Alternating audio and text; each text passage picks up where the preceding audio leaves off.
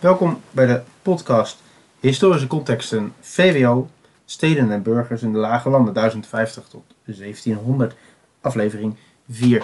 Deze aflevering staat de vraag centraal welke rol speelden steden in de groei van de handel en innovatie. Nou, we hebben al gezien dat rond 1200 Atrecht de eerste belangrijke en succesvolle stad in de Lage Landen is. Doordat er in de omgeving vanwege de vruchtbare grond een hoge landbouwproductiviteit is. Uh, er worden ook veel schapen daar gehouden, uh, verder richting de, de zee, waar de grond schraler is. En um, van die, de, door die schapenhouderij is er veel wol aanwezig. En um, daar wordt lakense stoffen van gemaakt. En die lakenhandelaren die richten gildes op, vakverenigingen, waarin zowel de eigenaren van de werkplaatsen als de, hun werknemers aangesloten zijn. En die rijke handelaren en die lakenmeesters die krijgen de macht in het stadsbestuur. En um, die komen soms ook aan de macht omdat zij dat ruilen voor leningen aan edelen uit de omgeving. Atrecht heeft een bloeiende lakennijverheid en bouwt via uh, het jaarmarktsysteem via Frankrijk een uh, handelsnetwerk op tot aan Italië. Maar in, die, in diezelfde tijd wordt langzaamaan andere steden die belangrijker worden. En de eerste daarvan is Brugge in, in Vlaanderen. Daar is uh, rond 1300 wordt dat de belangrijkste stad van de Lage Landen. Brugge heeft namelijk een betere ligging. Via een kanaal kan je vanuit Brugge naar de Noordzee varen en kan je dus aansluiten op veel meer handelsnetwerken. Je moet bedenken dat uh, helemaal in die tijd op een schip veel meer goederen vervoerd kunnen worden dan uh, via de weg, via houten wielen met ossenkarren of paardenkarren. Dus het is een veel beter handelsnetwerk. Je kan vanuit Brugge vrij snel naar Engeland varen. In Engeland is heel veel wol van goede kwaliteit te verkrijgen. En het is mogelijk om handel te drijven met Noord-Europa. Je kan daar uh, makkelijker naartoe varen. En via Noord-Europa kan Brugge aangesloten raken op het Hanze-netwerk. De Hanze is een handelsnetwerk, voornamelijk in Noordwest-Europa. Uh, steden als uh, Lübeck en Koningsbergen, die zijn daar uh, lid van, maar ook uh, Nederlandse plaatsen als Deventer, Zwolle, Kampen, Hattem, die um, zijn er ook lid, lid, van. En dat zijn steden die werken met elkaar samen, die um, hebben veel onderling contact, die regelen met elkaar dingen, die onderhandelen ook met elkaar, met koningen, bijvoorbeeld de koning van Denemarken, die de doorgang vanuit de Noordzee naar de Oostzee in de gaten houdt. En um, zo kan je dus ook naar Duitsland, Noord-Duitsland, de Oostzee. En Brugge kan daar via zee op aansluiten. En ook kunnen zij via zee handel drijven met Frankrijk, maar door om Spanje heen te varen, ook met Italië en ook met Spanje, kunnen zij handel drijven. Nou, op die manier slaagt Brugge erin om een grotere positie te verwerven dan Atrecht. En langzaamaan verschuift die economische, maar ook de culturele en de politieke basis van, de, uh, van het zuiden van de Nederlanden iets meer naar het noorden toe, naar het huidige België. Je krijgt dan in, uh, in Brugge en later komt de stad Gent er ook bij. Die heeft ook een, een bloeiende lakenindustrie. Een stedelijke elite die uh, steeds meer macht krijgt in die stad. Die, uh, dat zijn de, noemen we de patriciërs. Dat zijn de, de kooplieden, de ambachtsmeesters. De mensen die bovenaan de top staan in de gildes.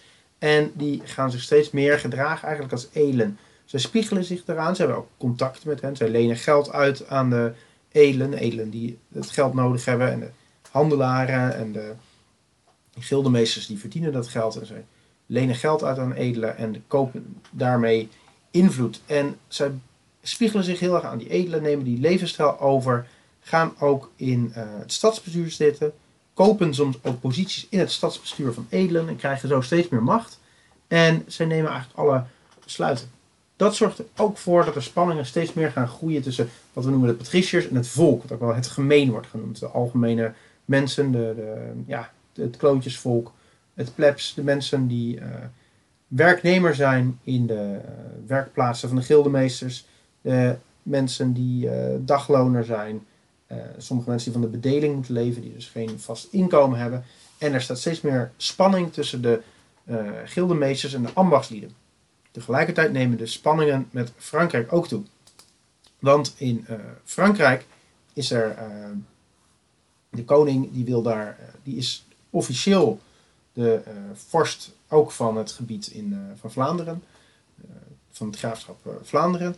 Maar dat willen veel mensen in Vlaanderen willen dat niet. Heel veel steden die verzetten zich tegen die invloed vanuit Frankrijk. Helemaal omdat Frankrijk oorlog heeft met Engeland. En Engeland is voor die Vlaamse steden heel belangrijk, omdat daar wol vandaan komt die ze gebruiken in het maken van die lakense stoffen.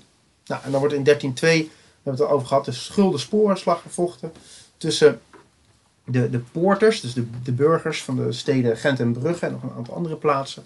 En daar vechten Vlaamse ambachtslui, dagloners, boeren uit de omgeving ook tegen de Franse edelen, de Vlaamse edelen, Vlaamse patriciërs ook wel en het gemeenwind. Die uh, Franse ridders die zitten op grote paarden, zware harnassen hebben ze, zware wapens hebben ze en zij vallen uh, de Vlaamse troepen vallen ze aan. Ze raken helemaal verstrikt in het moeras. Moeras waar die paarden helemaal inzakken, terwijl de, uh, die, de Vlaamse soldaten, de Vlaamse ambachtslui, dagloners, die boeren, die kunnen zich uh, prima daar vrij bewegen en die slagen erin om die Fransen, het Franse leger te verslaan. Het gemeen wint dus. Ridders, edelen worden gedood en er wordt veel minder ridderlijk gevochten, want die Vlamingen zijn ook geen ridders. Die maken hun vijand dood in plaats van dat ze hem uh, gevangen nemen om losgeld te vragen en die houden zich ook niet aan de ridderlijke erecodes. Die macht van die burgerij neemt daardoor toe, macht van de adel neemt af en in die steden blijven die patriciërs nog steeds een voorname plaats innemen.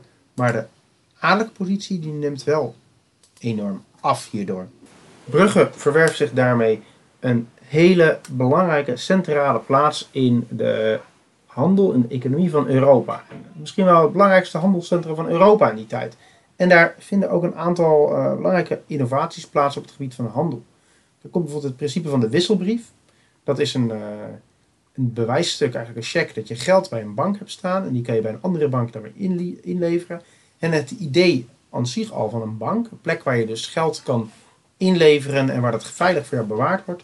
En het idee van een beurs, afkomstig van de naam van de handelsfamilie van der beurzen, daar, um, waar je dus kunt handelen en je financiële zaken kunt regelen. En in, in Brugge wordt dat allemaal samengevoegd. Dus daar kan je met een wisselbrief, dus een bewijs dat jij geld uh, bij een bank hebt staan, kan jij naar een bank en daar geld opnemen.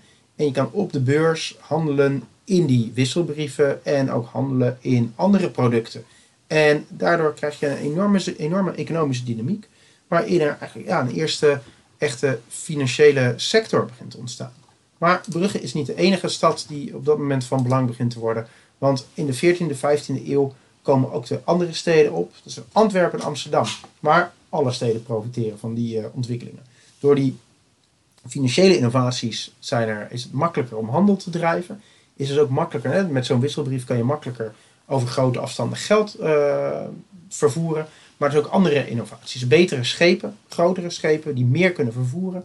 Kanalen die gegraven worden, die ook dieper gegraven worden. Waardoor grotere schepen met grotere diepgang ook de stad uh, in kunnen. Markthallen die gebouwd worden waar goed uh, handel gedreven kan worden. Waar de handelswaar droog uitgestald kan worden, ook als het slecht weer is. De handel groeit daardoor en daardoor groeien de steden weer. Dat heeft weer aanzuigende werking. En daardoor krijg je keer op keer schaalvergroting. Stadsbesturen stimuleren dat ook. Die willen dat hun stad een belangrijke functie krijgt binnen een groter handelsnetwerk. En willen daardoor ook wel een grote markthal bouwen, omdat dat handel aantrekt. Willen investeren in kanalen, willen ook investeren in het aanleggen van stadsmuren om zo de stad veilig te houden. En daardoor krijg je dan allemaal steden in de Nederlanden, en dan met name in het huidige Vlaanderen en Brabant, die, uh, die groeien heel erg en die krijgen een steeds belangrijke positie. Nou, belangrijke steden naast Brugge in, en Gent in die tijd, dat zijn Antwerpen en Amsterdam. Antwerpen is door de ligging een hele belangrijke verbinding met het Europees achterland. Antwerpen ligt vanuit de Westerschelde eigenlijk direct aan zee, kan je direct de, uh, de zee op, maar omdat het nog wel een stuk landinwaarts ligt, heb je wat minder te vrezen voor grote stormen. En uh, met grote zeeschepen, later ook heel nuttig voor schepen uit de koloniën. Daar zijn de schepen nog een stuk groter. Die moeten namelijk hele um, oceanen kunnen overvaren. Wordt het een belangrijke plek waarmee je een verbinding kan leggen. En vanuit Amsterdam wordt er heel veel handel gedreven met het Oostzeegebied. Daar wordt vis gekocht, daar wordt hout gekocht, daar wordt graan gekocht. Dus dat is niet de meest spannende handel. Dat is ook niet extreem winstgevende handel, maar het is wel volgens het volumeprincipe grote volumes graan die je misschien tegen een kleine marge kan verkopen. Maar doordat de volumes groot zijn, is daar best nog wel geld mee te verdienen. Dat wordt de moedernegotie van Holland genoemd. De moeder van de handel van Holland. Dat is daar vandaan is de rest van de handel van Amsterdam, van het gewest Holland, uit ontstaan. En Amsterdam is dus wat dat betreft gewoon een wat eenvoudiger voorhaven. Nou, zo zie je dat die steden zich ontwikkelen. Daar doen, zijn een aantal innovaties, zowel technologisch als financieel. En daarmee krijg je een bloeiende en gevarieerde eh, stedelijke economie. En de volgende aflevering gaan we kijken hoe dat leven in die steden dan